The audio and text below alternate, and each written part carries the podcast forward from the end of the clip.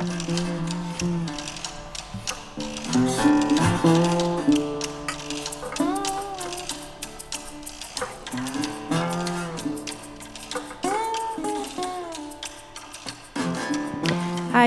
אני שני קדר, וברוכות הבאות וברוכים הבאים לפודקאסט "מה קורה בטיפול שלי". הפודקאסט שמנסה להסיר את המסתורין מעולם הטיפול. הפודקאסט מנסה להכניס שיח חדש על אתיקה טיפולית, כזה שאינו מתפשר, רדיקלי ופתוח, במטרה למנוע או להפחית פגיעות ולעזור למאזינים למצוא את המרחב הטיפולי המדויק ביותר עבורם ועבורן. מדי שבוע אני אשוחח עם דמות מעולם הטיפול שיש לה תפיסה ייחודית על המתרחש בתוך חדר הטיפולים, או זווית שעשויה להאיר אור ולהעניק צורה חדשה של התבוננות על כל הדבר המוזר הזה שנקרא טיפול נפשי, פיזי או רוחני. היום אני שמחה לארח את דוקטור יערה ניצן. יערה היא בעלת תואר שני ושלישי בפסיכולוגיה קלינית, חוקרת ומתמחה בטיפול בגישות קוגניטיביות התנהגותיות בדגש על טיפולים מבוססי מיינדפולנס וגל שלישי, מדריכה ומרצה בתוכנית לפסיכותרפיה המבוססת מיינדפולנס באוניברסיטת בר אילן. מאחלת לכם האזנה נעימה ומפרה. היי יערה. אהלן, מה נשמע שני? טוב. אני ממש שמחה לדבר איתך. איזה כיף וכבוד גדול להיות פה. עבורי במיוחד, כן, אני ממש שמחה שיצאנו. איזה פתיח מרגש ומשמח ומכונן. אמ, היום בעצם הנושא שאנחנו עומדות לדבר עליו, זה הנושא שאת הגדרת אותו, המטופל הפעיל. אה, כבר מעצם הצירוף הזה, אנחנו כבר יכולות אה, להבין, ללמוד על גישה טיפולית שלמה, או אפילו גישה אה, יותר מטיפולית, של הוויה אולי בעולם. אז אולי לפני שנדבר על המטופל הפעיל, אז נדבר בכמה מילים על אולי המטופל הסביל, או המטופל של אה, מה שאנחנו מכירים, או מכירות אותו היום כמטופל אה, או מטופלת, הסטנדרטים שמגיעים לטיפול, מחפשים טיפול אה, בתוך המערכות הקיימות. איך, איך את רואה את זה? מעולה. אז תראי, כשאנחנו מדברות על המטופל הסביל, אני לא מרגישה במאה אחוז בנוח עם ההגדרה, כי עלול להישמע כאילו המטופל עושה משהו לא בסדר, ובעצם כן. חלק ממה שאנחנו ננסה לדבר עליו היום, זה שזה לא משהו לא בסדר שהמטופל עושה, אלא זו תוצאה של הבניה וזו תוצאה של מערכת אה, טיפולית שבעצם המטופל אה, נכנס אליה, וחינוך מאוד נרחב מגילאים מאוד צעירים אה, מבנה את התפיסה שלנו לגבי איך נראה הטיפול, מה הסטריאוטיפים או המונחים שעולים לנו לראש כשאנחנו חושבים על טיפול, בין אם זה טיפול רפואי, או טיפול אה, פסיכולוגי קונבנציונלי, או כל מיני טיפולים אלטרנטיביים, אה, נפשיים ופיזיולוגיים. ובעצם אחת מהתפיסות הבולטות זה שיש איזושהי הסללה לכיוון פסיבי. זאת אומרת, שאני כמטופלת מגיעה למומחה, במירכאות, הוא אומר לי מה יש לי, הוא נותן לי את הטיפול, המעורבות שלי בתהליך, מכל מיני סיבות שלחלקן ניכנס יותר ולחלקן פחות, הוא לא ממש, זאת אומרת, אין לי ממש אפשרות למעורבות או לאיזשהו שיח או לדיאלוג על המצב. הרבה פעמים אפילו אם אני אשאל שאלות, או אם אני אתערב, או אם אני אצביע, אני אתופס כמטופלת בעייתית, כן. אני אתויג כטראבל מייקרית, כן. או יפנו אליי אה, כל מיני אה, אמירות כמו איפה למדת את זה בדוקטור גוגל, והסבירו כמה דוקטור גוגל סוכן וכולי וכולי. כן. אני לא באה פה בשביל לבוא ולהגיד, אה, לערער על, ה, על המקצועיות, או על הערך של המקצועיות ושל המומחיות, אלא רק להגיד שיש גם ערך מאוד מאוד גדול בזה שהמטופל יצליח לתפוס עמדה יותר אקטיבית בתהליך הטיפולי. תכף נסביר גם מה יכולות להיות יכולה להיות התרומה של הדבר הזה גם לתהליך הטיפולי ובכלל לחברה שלנו. ובגדול, אני בתור uh, מטפלת ובתור מי שמעבירה הרבה תהליכים של תהליכי הכשרה למטפלים, אני לא פעם רואה איך אנחנו לא תופסים את עצמנו כצרכנים כן. בתוך התהליך הטיפולי. אוקיי? זאת אומרת, כשאני קונה, קונה הגנה, עגלה לתינוק, כשאני קונה אה, רכב, אני מגיעה לרמות מומחיות לפעמים, ובטח כל אחד ואחת מאיתנו יכול להזדהות עם הדבר הזה, מה מיוצר בסין ומה אומרים עליו שהוא באירופה, אבל בעצם כן, הוא מיוצר בטורקיה. רטינה ו... כפול זה, הכל נכון. בדיוק, וזה, ולרגע אחד אני נהיית מומחית שלמה בז'אנר שלפני רגע לא ידעתי עליו כלום. בעולם הטיפול, לא פעם אני נתקלת בזה, שמטופל, שהיה מטופל אפילו ארבע או חמש שנים, לא יודע להגיד באיזה שיטה טיפולית הוא טופל. לא יודע מה היה הסגנון, לפעמים אפילו לא יודע מה הייתה ההבחנה שלו, או גם אם לא, לא נדבר במונחים אה, DSMים, כן, במונחים של ה-DSM, של... מדריך של ה... מונחים פסיכ... כן, של ההפרעות הפסיכיאטריות, שאין לו מושג מה... מה, מה, בעצם מאיפה נובע הסבל שלו, כן? איך אנחנו מבינים את הסבל שלו. ואני חושבת שהבורות הזו, אנחנו לא צריכים להניח אותה רק על המטופל, או למעשה אנחנו בעיקר צריכים לא להניח אותה רק על המטופל. וכשדיברנו קודם וחשבנו כזה על מה הכי היינו רוצות לדבר ומה יכול להיות הכי מועיל לפודקאסט ולמטרות שעליהן את אה, עובדת, אז דיברנו על זה שבעצם יש לנו שתי דרכים אפשריות אה, ומרכזיות להשפיע על איכות הטיפול שאנחנו נותנים היום כן. לציבור. אם אנחנו מסתכלים על זה במונחים של בריאות הציבור. אחת זה באמת להשפיע על ההכשרה של המטפלים, איך לייצר מטפלים יותר דיאלוגיים, יותר שקופים, עם פחות היררכיה, פחות דגש על ההיררכיה הטיפולית, כן. שמייצרים תהליכים טיפוליים יותר שקופים ויותר מיטיבים ללקוחות שלהם. כן. אני אומרת בכוונה את המילה לקוחות, כי בעולם הטיפול איכשהו המילה לקוח אה, אה, הפכה להיות כמו מילה גסה, עבורי כן. זה לא מילה גסה, להפך, זו מילה מאוד מכבדת, כן? כן. אתה הלקוח שלי, אני רוצה עבורך את הטיפול הטוב ביותר. כן. אני רוצה לראות אותך כמה שיותר בתהליך. כן.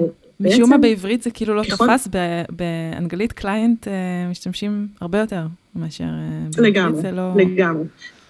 לגמרי, אני חושבת שהקונוטציות השליליות אה, שנוצרו לזה בשפה העברית, הן לא סתם. כן.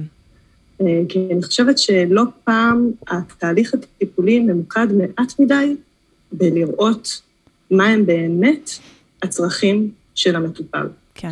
וככל שאני אצליח להשפיע גם על המערכת הטיפולית, על המערכת הטיפולית, על תהליך ההכשרה של מטפלים, על העקרונות שאנחנו מנסים לקדם מאוד דרך הגלים השל... השלישיים של טיפול קוגניטיבי התנהגותי, בין אם זה DBT, או ACT, Acceptance and Commitment Therapy. ככל שאנחנו מצליחים להשפיע על תהליך ההכשרה, זו דרך אחת שבה אנחנו יכולים לייצר שינוי. כן. הדרך השנייה, שעליה אני רוצה שנדבר קצת היום, לבקשתך, כן. היא באמת השפעה דרך המטופל. איך אני אצליח לצרוך טיפול כן. שמדויק יותר לצרכים שלי, ושבו אני משתתף יותר פעיל. כן. ואני בעצם דורש את הרפורמה הזו. כן. Okay? כן? כי אני מאוד מאוד מאמינה בעם. כן.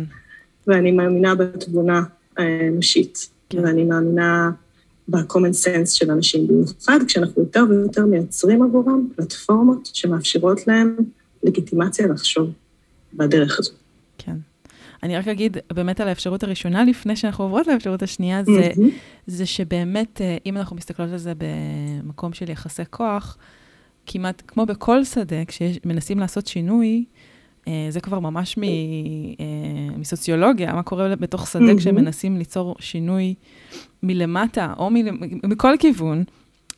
יש התנגדות מצד האנשים mm-hmm. שהם אוחזים בכוח, ו- ולכן כשאנחנו רוצות לעשות שינוי בתוך שדה הטיפול, למשל, יכול להיות שבאמת הדרך היעילה יותר היא לפנות אל, אל קהל הצרכניות והצרכנים, או קהל הלקוחות והלקוח, וה, של השירות, כי אנשים mm-hmm. שכבר כרגע יש להם סטטוס ומעמד בתוך, uh, בתוך הדבר הזה, יכול להיות ש... ניקח מילה מעולם הטיפול, תהיה להם התנגדות אה, כן. לשינוי הזה. אה, ו- ובאמת כן. בגלל זה אנחנו מדברות גם בפודקאסט הזה, וספציפית בפרק הזה. על האחריות, הכוח של, של אנשים שפונים לטיפול ורוצים שינוי בחיים שלהם. אז בואי נדבר על האפשרות השנייה. בטח. על האפשרות של המטופל כמטפל, כמטופל פעיל. כן. ואני רק אה, אגיב למה שאמרת ואגיד שבהחלט מערכות, אנחנו יודעים כל מערכת, בטח כשהיא מערכת היררכית ובטח כשהיא מערכת גבדאית, השינויים מתרחשים לאט מאוד, יש הרבה מאוד, הרבה מאוד דברים שמעכבים בעד השינוי. אני אנסה אה, להתייחס לזה דרך נקודת המבט לא הפורמלית, אלא יותר מנקודת המבט של אקט, mm-hmm. כן? של acceptance and commitment therapy, ששמה המון דגש על ערכים.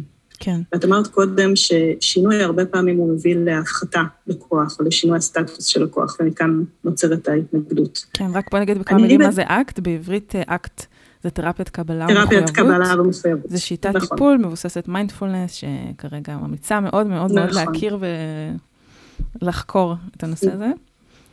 נכון, כן. נכון. ובעצם, כשאני כש... חושבת על עצמי בתור מטפלת, שעלולה לאבד מאותו הכוח, במרכאות, אני אומרת, כשאת, כשאת מדברת עליו כתוצאה משינוי. אני חושבת שזה מעלה שאלה מאוד מאוד גדולה, למה זה אומר בכלל כוח עבורי, אוקיי? בואו בוא רגע נעצור ונקדיש לזה שנייה מחשבה. כן. מה זה אומר מבחינתי כוח? כשאני חושבת על כוח בתור מטפלת, אני פחות מזדהה, ואני מאמינה שהרבה מאוד אנשי טיפול ברגע שהם הקדישו לדבר הזה מחשבה, ובטח לאלה שמקדישים לזה מחשבה, כוח זה לא לבוא ולדעת עבור המטופל שלי, או להיות זו שתחליט בשבילו, או זו שלא תגיד לו, או זו שלא תיתן לו את האבחון שלו, אם יבקש, או כל מיני תופעות שמתרחשות היום בעולם הטיפול והן לא תקינות. כוח זה איך אני מצליחה לאפשר למטופל שלי דרך חיים מיטיבה, שהוא מצליח להיות שם מאושר יותר ומסופק יותר ולחיות חיים בעלי משמעות. אז אני מרגישה את הרעש של הכוח, mm-hmm. כן? כשאני מסתכלת ואומרת, וואו, למדתי פה משהו חדש לגמרי, חשבתי שאני יודעת משהו על הבעיה הזו, וכשהצלחתי להאזין למה שהמטופל שלי רוצה, וכשלמדתי וכשנפתחתי לזה, הצלחתי לאפשר לו משהו. זה מבחינתי כוח. וזו עמדה שמצריכה גמישות. הרבה פעמים במערכת אין את הגמישות הזו, ולכן אנחנו מנסות לכוון פה באמת לעניין היותר הצרכני אה, של המטופל. ועשינו מין איזו רשימה כזו, כן, של איך, איך להיות בעצם צרכן נבון יותר. ואחת השאלות המרכזיות שהייתי רוצה להתעסק בהן, זה בעצם לחקור בתור מטופלת באיזה שיטה אני בכלל מטופלת. כן. בין אם זה לפני הטיפול ובין אם זה אחריו. הרבה פעמים למטפלים מכל מיני סוגים. יש, יש הרבה מאוד אה, ידע בתחומים שונים, והם יכולים להכווין את הידע הזה בהתאם למטרות שלי ולצרכים שלי. אז כאילו, קודם כל, עד כמה השיטה שבה אני מטופלת, היא הולמת את הצרכים שלי. כן. זו נקודה שהיא, שהיא מובנת. כן. נגיד באמת ש, שאנשים רבים, אה, אין להם מושג באיזה שיטה הם מטופלים, mm-hmm. ואם ישאלו אותם, נכון. שוב, אנחנו חוזרים למטאפורת העגלה, אין להם mm-hmm. מושג מה, מה השיטה שהם מטופלים בה, הם יכולים להגיד כזה, כן, זה משהו שקשור לגוף אה, נפש, אה, משהו כזה. ו- ואגדיל ואומר שגם מטפלים רבים לא יודעים להגדיר. את השיטה שהם לומדים, זה מדהים, וכאילו, אמ, בתור, בתור אה, אמ, מטפלת טריה בפסיכותרפיה גופנית, זה, זה גם תחום כזה שהוא מאוד קשה להמשיג אותו, מאוד קשה להגיד uh, מה קורה, והרבה פעמים מתייחסים, ובגלל זה אני אומרת להסיר את המסתורין, mm-hmm. הרבה פעמים um, יש איזה רצון שזה יישאר קסם, שזה יישאר mm-hmm. מסתורי, והמטופל לא ידע. וזה גם, כמו שאת אומרת, חלק מה... אה, להחזיר את הכוח, להחזיר את כן. האוטונומיה ו... כן. כן. אני, אני אומר בכנות ובפה מלא, אה, לי יש בעיה מאוד קשה עם האג'נדה הזו. אחת כן. מהסיבות שמאוד התעניינתי בפודקאסט שלך ומאוד תמכתי בו, זה שאני חושבת שהמילה מסתורים, וגם אמרתי לך את זה בעבר, היא מילה מאוד מאוד מדויקת. אני אה, מחויבת בעבודה המקצועית שלי, לאורך כל השנים לנסות לפוגג את המסתורים סביב עולם הטיפול. אני חושבת שמסתורים וטיפול, בטח כשאנחנו מדברים על מונחים של הכשרה ולא על רגעים משמעותיים שמתרחשים בתוך הקליניקה, שהיה איזו מסתוריות לגביהם, כן? אלא ככל שאנחנו מדברים על זה ברמה של מקרו, מסתורית זו מילה שהיא לחלוטין לא מובנת לי, כן? וזה לא בגלל שאין לי קשר או חיבור לעולמות רוחניים, אבל יש לי, כן, קשר מאוד מאוד עמוק לאיך אנחנו מצליחים לייצר תהליכי הכשרה טובים עבור מטפלים. ואז המילה מסתורים היא, היא בעייתית מבחינתי, כן. כי אני לא רוצה שאנשים יסתכלו עליי ועל מה שאני עושה בהדרכה, למשל, או בקורס, ויגידו, וואו, איזה קסם. אם אומרים איזה קסם או איזה קוסמת היא, אני יודעת בוודאות שעשיתי משהו לא נכון. אני רוצה שפסיכותרפיה, בין אם אתה מגיע אליה ממקומות פורמליים יותר או פחות, בגישות כאלה ואחרות, כן. היא תהיה דבר ברור שאפשר ללמד אותו, אפשר ללמד אותו גם את המטפל, אפשר ללמד אותו גם את המטופל. כן. כי מבחינתי זה לא איזה ידע אה, אה, קסום ומסתורי, ש, שאני לא צריכה לחלוק אותו עם המטופל שלי, להפך. אני לא מלמדת את המטופל שלי, זה לא הרצאה, אבל בהחלט יש חלקים של סייקו-אדוקיישן. אם נדבר על סייקו-אדוקיישן, אה, כן, חינוך פסיכולוגי, כן. אם אנחנו אה, מדברים נניח על אחת הגישות שאני הכי עוסקת בהן, תרפיית קבלה מחויבות, אקט, אוקיי? אחת המטרות המרכזיות בטיפול כזה זה שאני רוצה לעזור למטופל שלי כמה שיותר לנוע לקראת החוויה שלו, אוקיי? לנוע לקראת החוויה שלי זה יכול להיות דבר נוראי, כי יכול להיות שאני אפגוש שם חוויה של עצב נוראי ושל ריקנות ושל פחד ועוד המון המון דברים. במילים אחרות, זה יכול להיות די סיוט. ואני רוצה שהמטופל שלי ידע למה לנוע לקראת החוויה שלו. כן. למה זה יכול להיות עבורו טוב. כן. למה זה כדאי למכור לו. בדיוק, ובמילה, אני לגמרי, אני יכולה גם להתחבר לזה במונחים של למכור לו. כן. אני אגב מוכרת את זה גם לעצמי, זו שיטה שאני גם מתרגלת על עצמי. אני יודעת נורא נורא טוב, כי למדתי בהמון דרכים בחיים שלי, איך הדבר הזה יכול להיות מועיל עבורי, כן. ואיזה שירות עצום זה עשה בחיי האישיים. אני מכירה את הדבר הזה ואת העולם הזה גם מעולמות מחקריים קליניים, ואני מכירה את הדבר הזה גם מהשדה, ואני בהחלט, אני רוצה לעזור, אני רוצה לחנוף אותך. לתוך העולם הזה. כן. צריך לדעת מה הרציונל הטיפולי שלי. ככה שאם אני לא חושפת את הרציונל הטיפולי שלי בפני המטופל, יש לי עם זה שתי בעיות מרכזיות. האחת, ברמה הקלינית המקצועית, אני חושבת שטיפול שבו אין בהירות לגבי הדברים האלה, כן. וזה לא משנה כרגע, אני לא באה ואומרת שהרציונל הטיפולי היחיד שהוא לגיטימי ותקף, זה רק לנוע לקראת החוויה. מבחינתי זה יכול להיות כל דבר בעולם. כן. אבל אם אני לא באה ואומרת את הדברים בצורה ברורה ושקופה. כן. אני חד משמעית רואה בזה כאחת מהסיבות המרכזיות ללמה טיפולים שהיו יכולים להיות טיפולים מוצלחים, הם הופכים ולא מוצלחים. כן. זה אחת. וגם יכול לרמז אלבה, למה כן. אנשים כן. כשהם מסיימים טיפול כזה מרגישים מרומים. הם מרגישים מרומים, הם מרגישים כאילו לא קרה שם משהו שהם לא הבינו אותו, כן. הם לא כן. רצו אותו. הם שילמו עליו, ואז בעצם לא קיבלו את מה שהם רצו, ולהפך, לפעמים גם יצאו כאילו כן. עם, פח, עם, עם יותר אה, מהדבר שהם לא רצו, מהסבל או מה, כן. מהבלבול. תראי, תחושת, אה, תחושת רמייה היא רק אחת מהתחושות הפוטנציאליות. כן. שאדם יכול לצאת איתן מתהליך טיפולי שלא היה מספיק שקוף, שלא היה מספיק בהיר, שלא היה מספיק ביולוגי. כן. אדם אחד ייקח את זה מסיבותיו ההתפתחותיות והרגשיות ומתוך מה שקרה בתוך הטיפול, במקום של רמייה. אחר ירגיש החמצה ופספוס. שלישי יאשים את עצמו. כן. או יאשים את אלוהים, או יאשים כן. את העולם. או את הפסיכולוגים, ולא ילך יותר לפסיכולוג אה, כן. לעולם. זה מאוד נפוץ, מאוד מאוד נפוץ. אוקיי.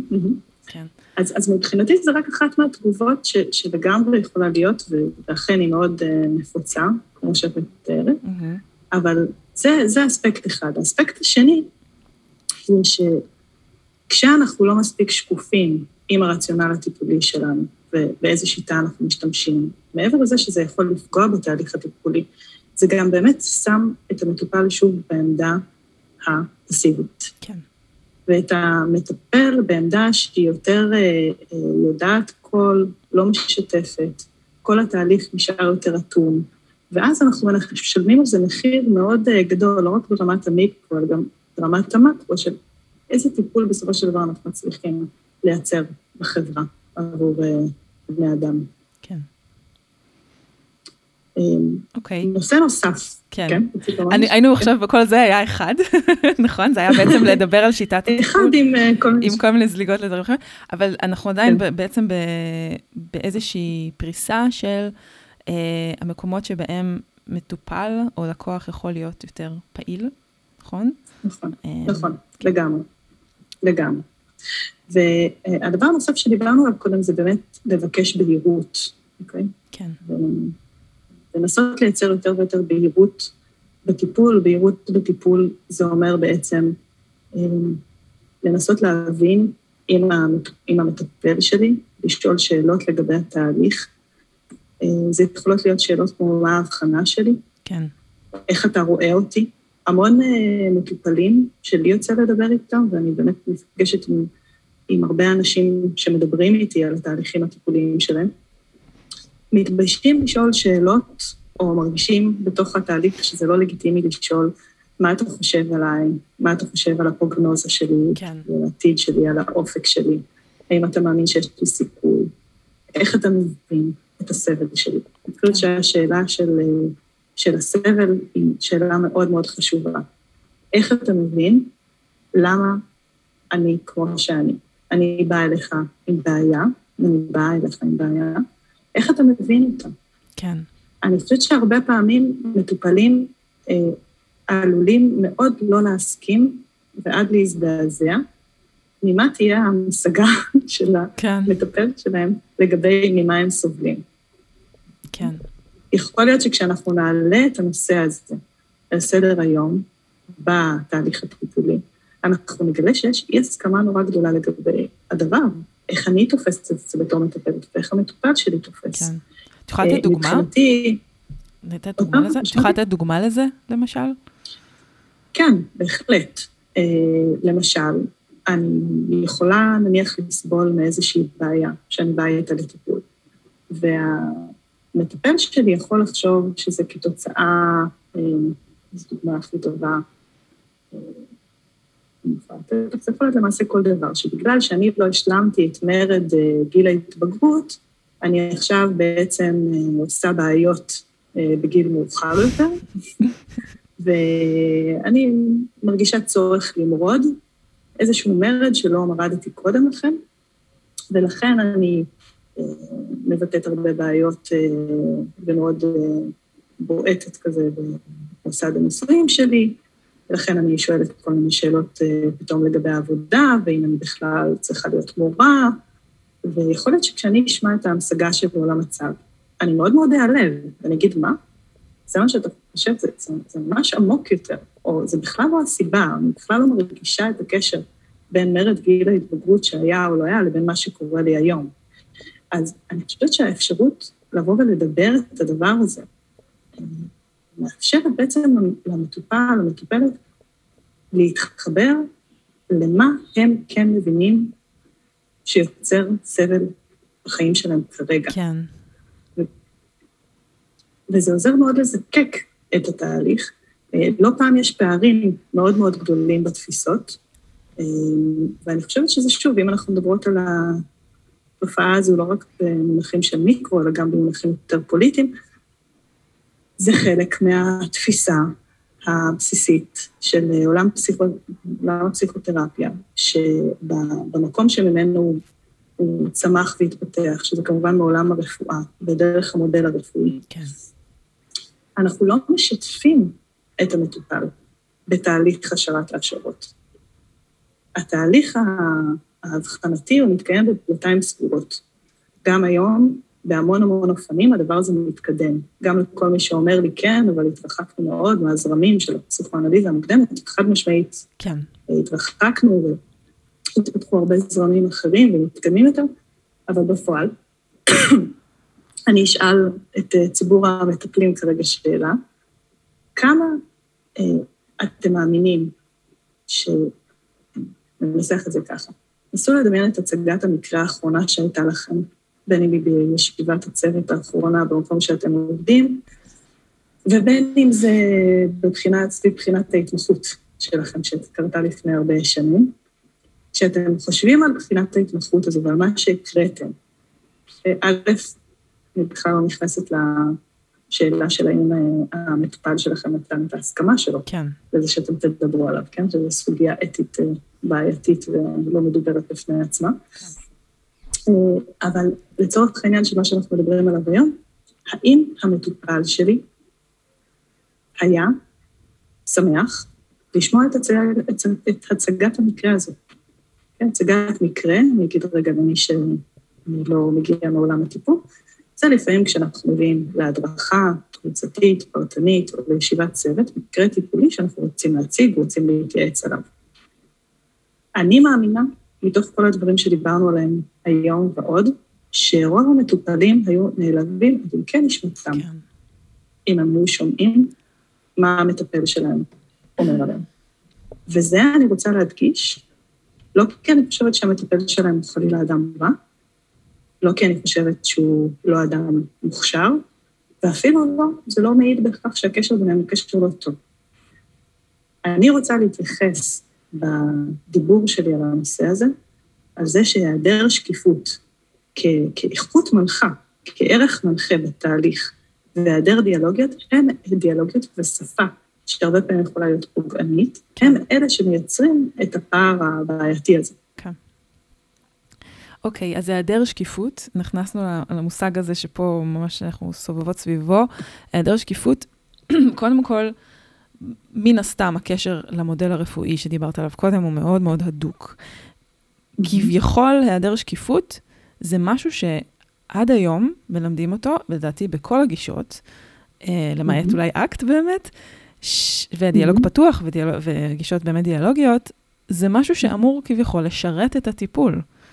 כאילו זה משהו שלא רק שהוא אה, מנסים, להימנ... אה, אה, מנסים להימנע ממנו במכוון, כאילו כביכול השקיפות היא בעייתית, אה, גם סביב הנושא של גבולות, וגם סביב הנושא של באמת כאילו המטופל או המטופלת לא יודעים אה, על עצמם, ו, וגם עדיף שלא ידעו בהרבה מובנים. כאילו, יש שם כל הזמן את השאלה הזאת של... אה, ששוב, מחזירה את הכוח לידיים של המטפל בצורה לא פרופורציונלית, ובאמת, כאילו, כן. בוא נשאל את זה למה. למה, למה היעדר שקיפות זה דבר שהוא כל כך חזק, אה, וממשיך mm-hmm. להיות חזק בתוך יחסים טיפוליים, בתוך הכשרות? מה, כן. מה לדעתך? התשובה. כן. תראי, אני, אני בטבע שלי מעדיפה לדבר יותר על מה כן ולא על מה לא. אוקיי. אה, מכמה סיבות. א', דברים שאני לא מתחברת אליהם ערכית ומקצועית וגם לא בקיאה בהם. אמנם למדתי הרבה מאוד בהכשרה שלי בפסיכואנליזה, וזה חלק מהתהליך הכשרה המאוד אה, קונבנציונלי והסטנדרטי שהיה לפחות מקובל עד השנים האחרונות, בטח כשאני למדתי. אז אומנם למדתי את זה הרבה, אבל אני לא יכולה להגיד שאני מומחית לדבר, ולכן קטונתי מלהגיד או להבין מדוע היעדר שקיפות או עמימות יכולים לשרת את התהליך הטיפולי. אני אומנם מבינה בזה לא מעט, אבל בוא נגיד, אני גם לא מרגישה שאני מבינה מספיק, וגם אני מאוד לא מזדהה עם הערך הזה אה, בתור עמוד תווך שעליו הייתי רוצה לבסס משהו בנוגע ליחסים. כן. אני יכולה להגיד באופן מאוד... אה, אה, שלא יתפסו אותי פה במילה, כי שוב לא מומחית הפסיכואנליזה, אבל בגדול, ככל שאנחנו מתקדמים, מתקרבים למודלים מוקדמים של פסיכותרפיה, אה, עמימות והיעדר שקיפות אה, מייצרים תנאים מיטביים, לפי התפיסה, לעבודה הטיפולית, להשלכות, אה, באופן מאוד מוצהר גם להעלאת רמת החרדה, ואז להוצאת תכנים לא מודעים וכולי וכולי.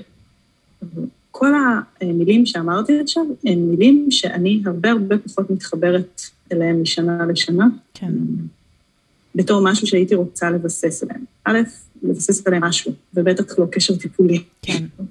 א', אה, אני חושבת שיש אה, ערכים ואיכויות אה, שהם הרבה יותר מיטיבים, שהייתי שמחה להתבסס עליהם מאשר עמימות או העלאת רמת החרדה או השלכה. אני חושבת שיש קו הרבה יותר ישר וקוהרנטי שיכול לחבר בין נקודות מאשר הסללום הזה.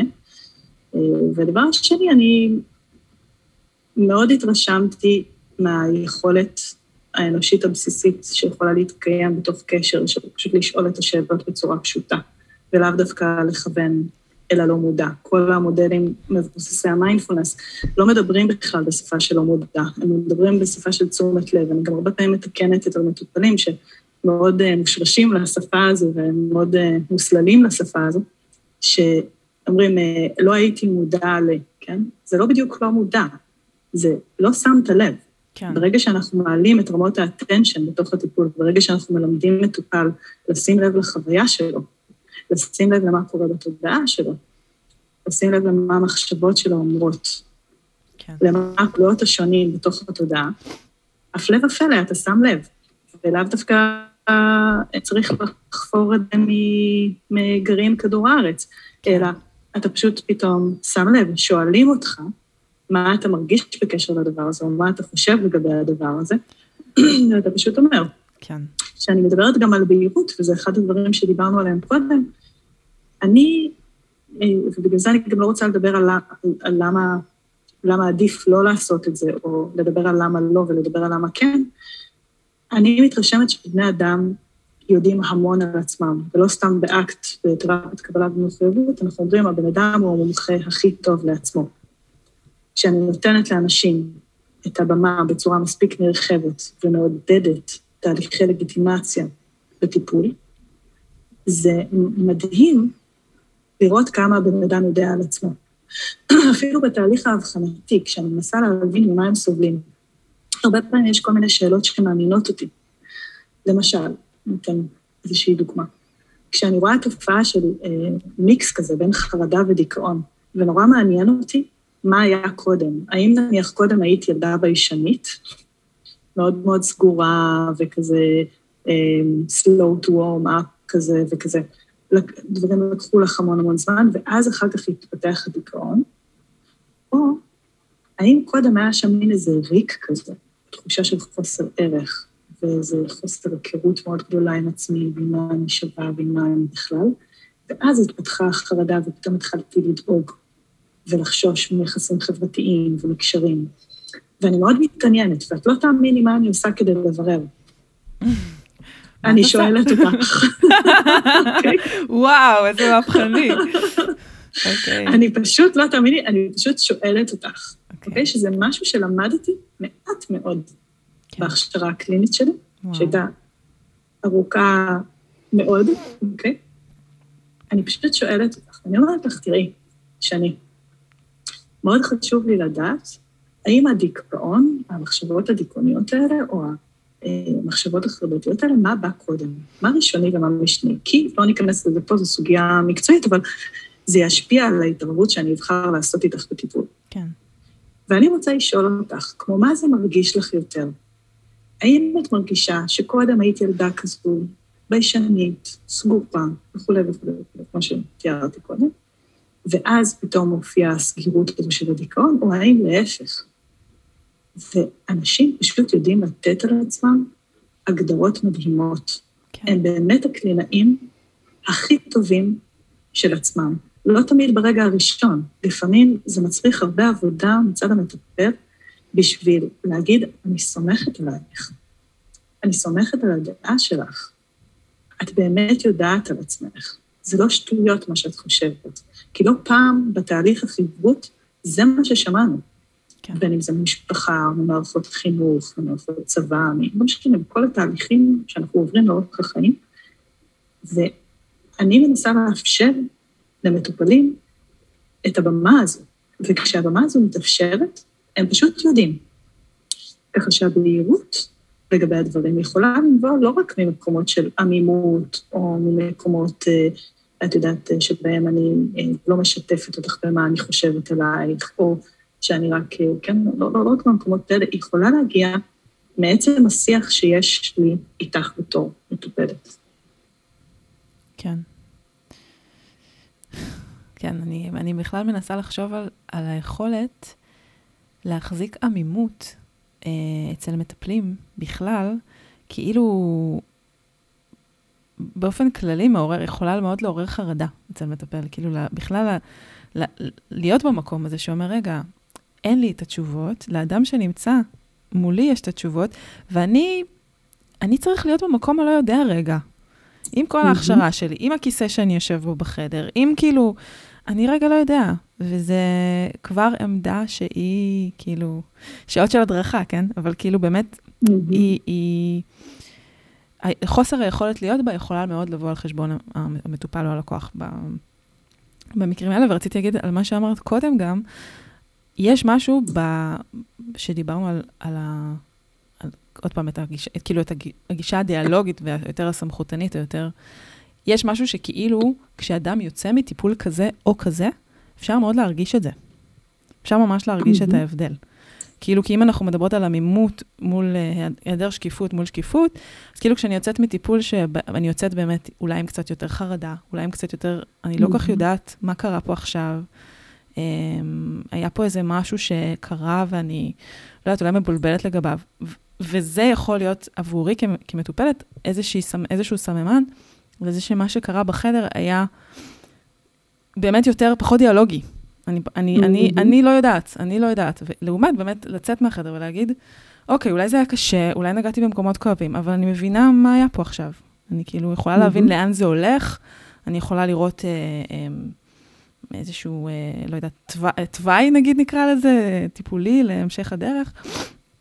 אה, ואלה דברים שכל אדם ממש יכול לשים לב. לאורך זמן, נכון. אה, אפילו מה, מהפגישה הראשונה, אפילו מהשיחת טלפון הראשונה, אפשר להרגיש את זה. אה, אז תספרי לי, שאני, אם את יכולה, על דברים שאת שמה לב אליהם, או שאת עשויה לשים לב אליהם, כשאת יוצאת מאיזשהו תהליך טיפולי, שהוא כן. אגב יכול להיות גם רפואי, הוא יכול להיות פסיכולוגי, הוא יכול להיות אה, אה, תהליך טיפולי אלטרנטיבי, תחושות שמעוררות בך תחושה של אי נוחות, mm-hmm. ושהיית רוצה שנסמן אותם יחד כאן, סביב הפרספקטיבה הזו של המטפל, המטופל הפעיל, כן, כן. פסיבי, שהיית רוצה שננסה לשים לב אליהם. מה יכול לעורר אצלך אה, תחושת אי נוחות, ושאנחנו יכולות לסמן את זה יחד בתור איזה שהן נורות אה, אזהרה, או, או מרקרים כאלה, אם תרצי, כן. שיכולים לעזור בעצם למטופלים להבין שאולי הם צריכים לעשות איזשהו שינוי, לשאול שאלה או לתקן את הדרך יותר לכיוון אה, פעיל. כן. אז אני יכולה להיזכר בשני מקרים. אה, בשני המקרים יצאתי מטיפול, על אחד מהם כתבתי אפילו בתחקיר, שיצאתי מטיפול עם מטפל שאמר לי בצורה מאוד מאוד פסקנית וחד משמעית דברים עליי. האחד מהם היה מטפל mm-hmm. רוחני, וזה היה תקשור שהוא קיבל, השני זה היה... אה, ובשני המקרים לא נתתי את הסכמתי לדבר הזה, רק פשוט אה, הלכתי די כזה עם מצוקה. ו, ובמקרה השני זה היה מטפל דווקא מאוד גישה כאילו, אני לא יודעת אפילו, אה, הנה, אני לא יודעת להגיד, אני חושבת שזה היה, אני לא יודעת להגיד איזה, שיטה זאת הייתה. אה, ובשתי המקרים אה, קיבלתי בצורה אה, כל, כל פעם בשפה אחרת, אבל קיבלתי הבחנה מאוד ברורה. למה הבעיה שלי. וכשניסיתי כאילו גם לשים שאלות, וגם בשני המקרים, בגלל שאני מטפלת ומגיעה מעולם טיפולי, הם הרשו לעצמם אה, לדבר איתי בצורה כאילו, טוב, הנה, את מבינה כבר, אז בואי אני אגיד לך כבר מה, מה אני חושב עלייך. אה, ויצאתי, בשני המקרים יצאתי בדמעות מהפגישה הזאת. פשוט כאילו, תחושה של אה, כאילו כמו... המילה מחיקה היא מאוד מאוד חזקה, אבל זה, זה, זה, זה איזושהי... כן, הקטנה כזאת, או כאילו, אני לא, אין, אני לא בכוחות שלי. אני לא יצאתי מהפגישה בכוחות שלי. יצאתי במקום יותר חלש ויותר פגיע ויותר uh, חסר אייג'נסי, uh, חסר כאילו... Mm-hmm. Um. זה המקרים הכי חריפים, אבל זה, זה אני עם אותה מטפלת כבר שנים, אז כאילו כבר זה לא, mm-hmm. כבר לא קורה, אבל זה, כן, ממש, זה ממש זכור לי. זכור לי כתחושה פיזית, זכור לי כבכי, זכור לי כ... ממש תחושה של פגיעה, ממש פגיעה. כן, כן. אבל יכול להיות שזה אולי, זה... זה יכול להיות בכל מיני רמות, כאילו, בטח זה... נכון, נכון. וזה קודם כל מצער אותי לשמוע על החוויה שלך. ו... אני חושבת שדרך החוויה הלא פשוטה הזו אפשר לנסות לזקק דברים, גם כשהם מתרחשים, ב, כמו שאת אומרת, בסופו של דבר פגיעה בטיפול היא רצף מאוד מאוד רחב, וזה בעצם חלק ממה שאנחנו מנסות לדבר עליו היום ולהנגיש כן. היום לציבור, אה, שיש המון המון סוגים של פגיעה. אז אני יכולה לנסות לזקק מתוך מה שאמרת כמה נקודות מרכזיות שהייתי שמחה אה, לחדד עבור המאזינות והמאזינים. כן. של איך אני בעצם יכולה לדעת מה קורה בטיפול שלי, כשם הפודקאסט הנפלא שלך. הנקודה הראשונה והכי הכי כללית היא מה הייתה החוויה שלי. אנחנו כחברה שמים מעט מאוד דגש על החוויה שלנו, ואנחנו נותנים לה אה, מעט מאוד לגיטימציה, ומאוד מהר מגיעים קולות מבפנים ומבחוץ, שבאים ואומרים, זה בטח נדמה לך, כן? לא, מה פתאום, את סתם מגזימה. כן, חייבת להגיד שיש פה עניין מגדרי כן. מאוד מאוד ניכר בדבר הזה, זה באמת נכון. נשי מאוד, התכונה הזאת. אה, נכון, גברים יותר סומכים. נכון. בהחלט, למרות, ש... אה, למרות שאני חושבת ש... שזה באמת, זה גם מגדרי ובו בזמן גם חוצה מגדרי. כן, נכון. זאת אומרת, הרעיון הזה שאני אבוא ואגיד משהו, את יודעת משהו? בואי ניקח מקרה קיצוני, אפילו אם זה נדמה לי, זה בכלל, מה, מה זה אומר? יש איזושהי אמת אובייקטיבית? זו החוויה שלי. ואני חושבת ש... את יודעת, אני, אני יותר ויותר בתהליך המקצועי שאני עובר, עוברת, אני מתעניינת פחות ופחות בפסיכולוגיה ויותר ויותר בחינוך, hmm. אוקיי? Hmm. Okay? ובכלל, בכל מיני גישות אה, אחרות שהן לאו דווקא להבין את הדברים דרך הנקודת מבט הפסיכולוגית. אנחנו מלמדים מעט מאוד ילדים לשים לב לחוויה שלהם. כשילד חוזר מחוג קארטה או מחוג בלט, אני שנים הייתי בבלט, סבתא שלי הייתה פרימה בלרינה, ולכן אה, גם אני, אה, ציפו ממני אה, ללכת ללמוד בלט. אני באמת לא חושבת שמישהו אי פעם שאל אותי אם אני נהנית מזה, או איך החוויה הזו עבורי. המוקד הוא מוקד של מצוינות, הוא מוקד של התמקצעות, של מומחיות, של uh, השיח הוא הרבה פעמים סביב מה, אבל את כל כך טובה בזה, אז עכשיו תפרשי. אין בכלל מוקד על החוויה. חלק ממה שאנחנו מנסים אה, לשים במרכז הבמה בטיפולים של גל שלישי, אה, של עולם הטיפול הקוגניטיבי והתנהגותי, זה באמת את החוויה של האדם. אז כשאני חוזרת וחושבת עלייך ועל החוויה, או כשאני מדברת כרגע לכל מאזין או מאזינה. מה החוויה שלכם כשיצאתם משיחת הטלפון עם המטפל או המטפלת? איך יצאתם מהפגישה הראשונה? האם הרגשתם שמכבדים אתכם? האם הרגשתם שיש לכם פרטנר לדיאלוג? מה רמת הפתיחות שחשתם כלפי ביקורת? כן. כנקודה נוספת. עד כמה נניח הייתם יכולים לדמיין שאם אתם מרגישים לא טוב בסיטואציה הזו, הייתם יכולים לתקשר אותה. הרי אנחנו יודעים שבקשרים מסוימים אנחנו יכולים מאוד לתקשר את החוויה שלנו ולהגיד מה מפריע לנו, או לא לחשוב להגיד ביקורת, ובקשרים אחרים זה ממש טאבו. אז איך אני חווה את הדבר הזה בתוך התהליך הטיפולי? וזה משהו שמאוד חשוב לשים לב אליו, אני חושבת, בתוך. התהליך הטיפולי, כאיזשהן נקודות שאנחנו יכולים להתייחס לתהליך שאנחנו עוברים. כן. עוד נקודה קצרה ששכחתי, מה היחס לשאלות שלי? הרבה פעמים, ככל שאנחנו נפגוש באיש טיפול, שמגיע יותר מהעולם, נקרא לו, פורמלי, אוקיי? אה, הוא יראה בשאלות שלנו מטרד. הוא עלול לראות בשאלות שלנו מטרד. או איזושהי עדות להתנגדות. או להחזיר אותן אליהם, אותה, אותה, את השאלות אלינו. בעצם, כאילו, mm-hmm. למה את שואלת את זה, או... Mm-hmm. כן.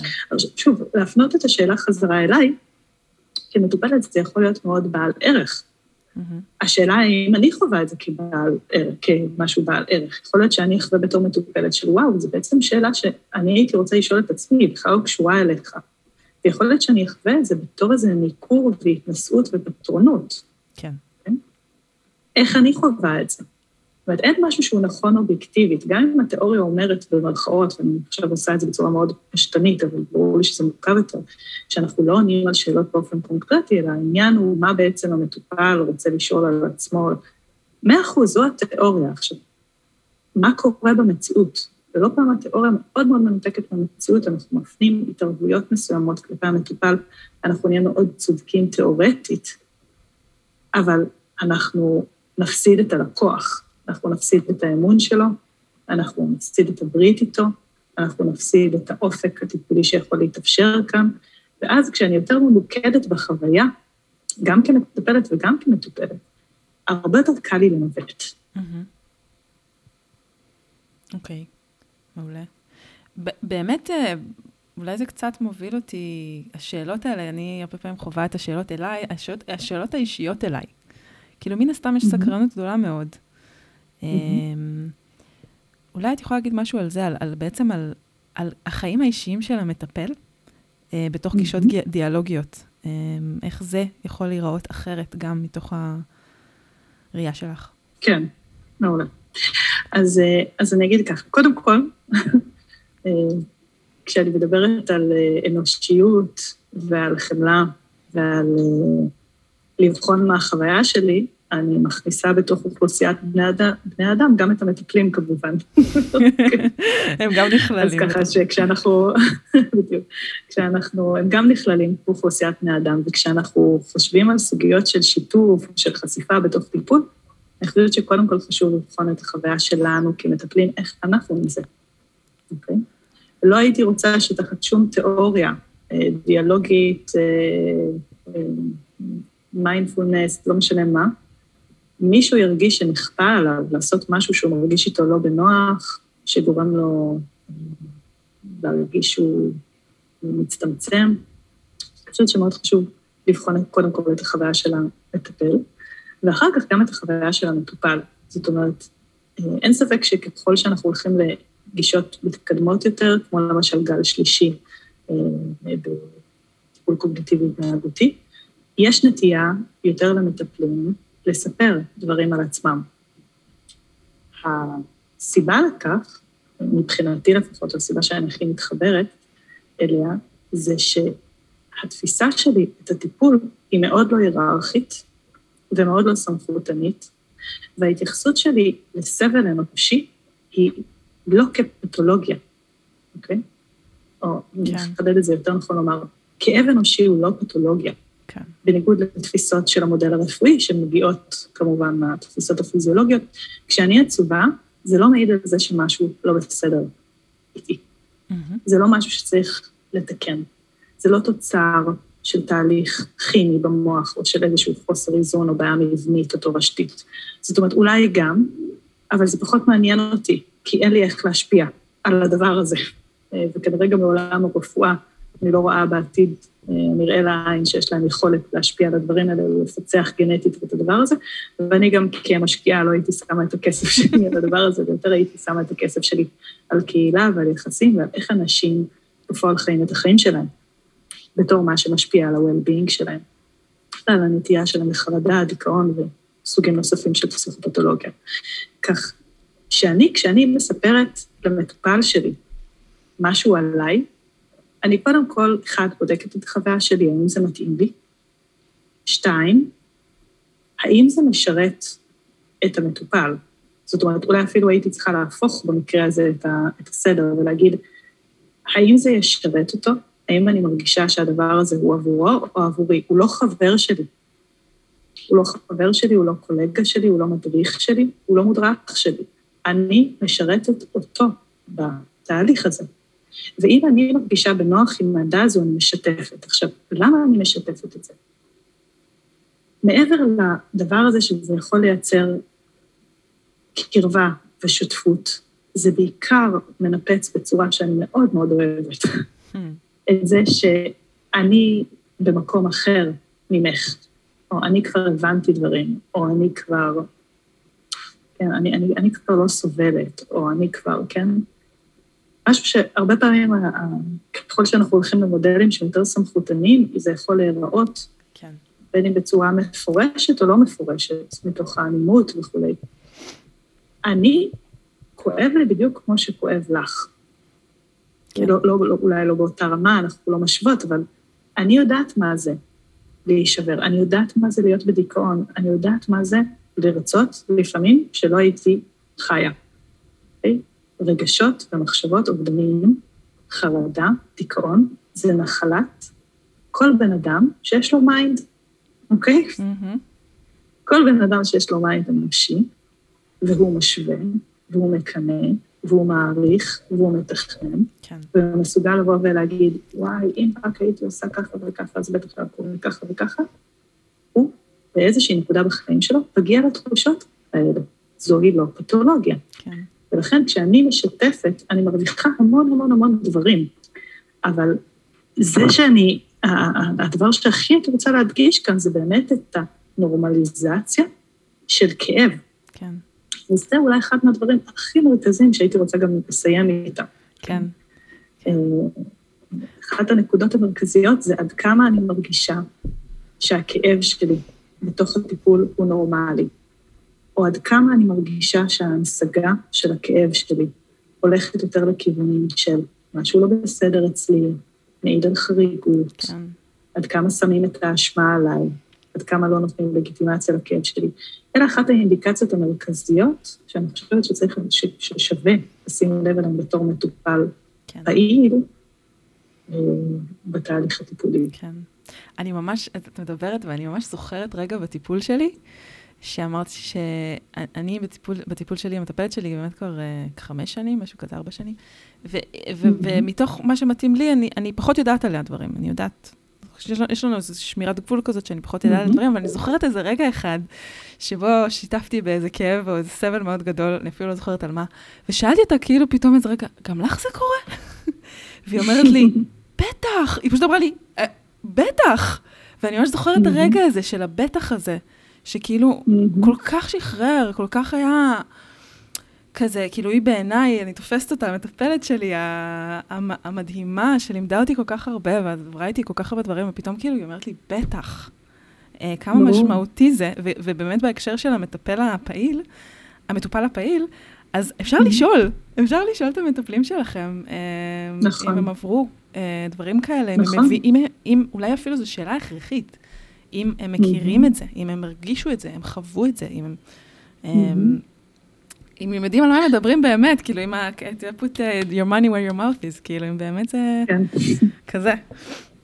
כן, לגמרי. אני, אני מאוד מזדהה, ואני כן, כן אדייק ואגיד שאני חושבת שהרצון לדעת על המטפלים שלנו הוא, הוא על רצף, הוא יכול להשתנות. כן. כן, ואנחנו לא חייבים לשאול אם אנחנו לא מזדהים, mm-hmm. כמוך נגיד, עם השאלה של האם אתה עברת את זה, או אנחנו לא מחויבים לשאול משהו שאנחנו... לא מרגישים ש, שתואם את, ה, את הצורך שלנו, אבל אני חושבת שמה שבטוח כולנו רוצים, זה לדעת שאנחנו אנושיים. כן. ולדעת שאנחנו נורמליים, ואנחנו לא רוצים לעבור תהליכי פתולוגיזציה של החוויה שלנו, שהיא בבסיסה מאוד אנושית ונורמטיבית. כן. ואצל מטופל אחד זה יכול להתבטא דרך להתעניין עם המטפל. כמובן, אנחנו שוב צריכים להזכיר, לא כל מטפל בהכרח צריך להרגיש נוח לענות על הדבר הזה באופן קונקרטי. אבל אני אגיד לך איפה אני כן חושבת שהחובה של המטפל. זה לא משנה איך תעשה את זה, אני חושבת שזו החובה, האחריות עליך לייצר בסופו של דבר חוויה מיטיבה עבור המטופל שלך. אם תעשה את זה דרך לבוא ולהגיד, כמו המטפלת שלך, ברור שגם אני חוויתי את זה, או בין אם אתה תבוא ותגיד את זה באופן אחר, יש המון דרכים לייצר את החוויה הזו בלבד, שאתה לא תיתן את התחושה, שאתה לא תייצר את התחושה שהכאב הזה הוא ייחודי למטופל או לאיזה תהליך פתולוגי כן. שמתרחש אצלו, ו- ושהוא לא חלק מ... שהוא פחות, שהוא לא לבד, שהוא לא לבד, נכון. לשבור קצת את הבדידות הזאת סביב הסבל. את הבדידות ואת הבושה, כן, זה לא בושה, כולנו חווים את הדברים האלה, כן. מעצם היותנו בני אדם. שוב, מעצם היותנו לא ניכנס כאן לחומרים תיאורטיים אולי בשיחה הבאה, אבל כן. מעולם אה, תרפיית קבלה ומחויבות, אבל שוב, mind אנושי הוא מייצר סבל, כן. מעצם המאפיינים הכי הכי בסיסיים של הווייתו. מעצם, מעצם היותו מים. כן, רק האמירה הזאת, היא, היא פשוט נותנת רווחה. עצם רק להיות עם ה, מה שאמרת עכשיו, זו אמירה שהיא מייצרת רווחה. אה, וממש... אה, אולי באמת אפשר לסיים? אני שמחה לשמוע. אני שמחה לשמוע שזו החוויה שלך. כן. רווחה זה, זו איכות uh, חשובה מאוד. כן. אני גם מוצאת את זה הרבה בקליניקה. כשאני אומרת אמירות כאלה, הן מייצרות, יש, יש הרבה פעמים חוויה של, אה, אוקיי, זה נשימה כזאת שאפשר לקחת, אוקיי, זה קורה, זה בסדר, זה נורמלי, אני נורמלי, אני... הדבר הזה שהוא ממש. טבעי. אמ, ממש. כן. מאוד מסכימה. אוקיי, טוב, אמ, נסיים פה. יערה, אני ממש מודה לך, זה היה כל כך אה, מאלף, באלף? מאלף? בעין? מאלף. אה, כן. באיזה שטויות. כל כך חשוב, אני כאילו, בא לי לשלוח את הפרק הזה לכל אה, מי שאני מכירה ולכל מי שאני מכירה שהולך לטיפול וכל מי שאני מכירה שמטפל. אני ממש ממש מודה לך, ובאמת נראה לי שאנחנו אולי נעשה, המשך יבוא, מה שנקרא, אנחנו נמשיך. בכיף ובשמחה, זה כבוד גדול בשבילי לקחת חלק ולהשתתף בכל אה, מהלך כזה, במיוחד במהלך כל כך מבורך, כמו שאת עושה בפודקאסט הזה, שמעלה את השאלות הכל כך חשובות האלה, שאנחנו לא שואלים אותן מספיק. וכיף היה להשתתף. תודה רבה.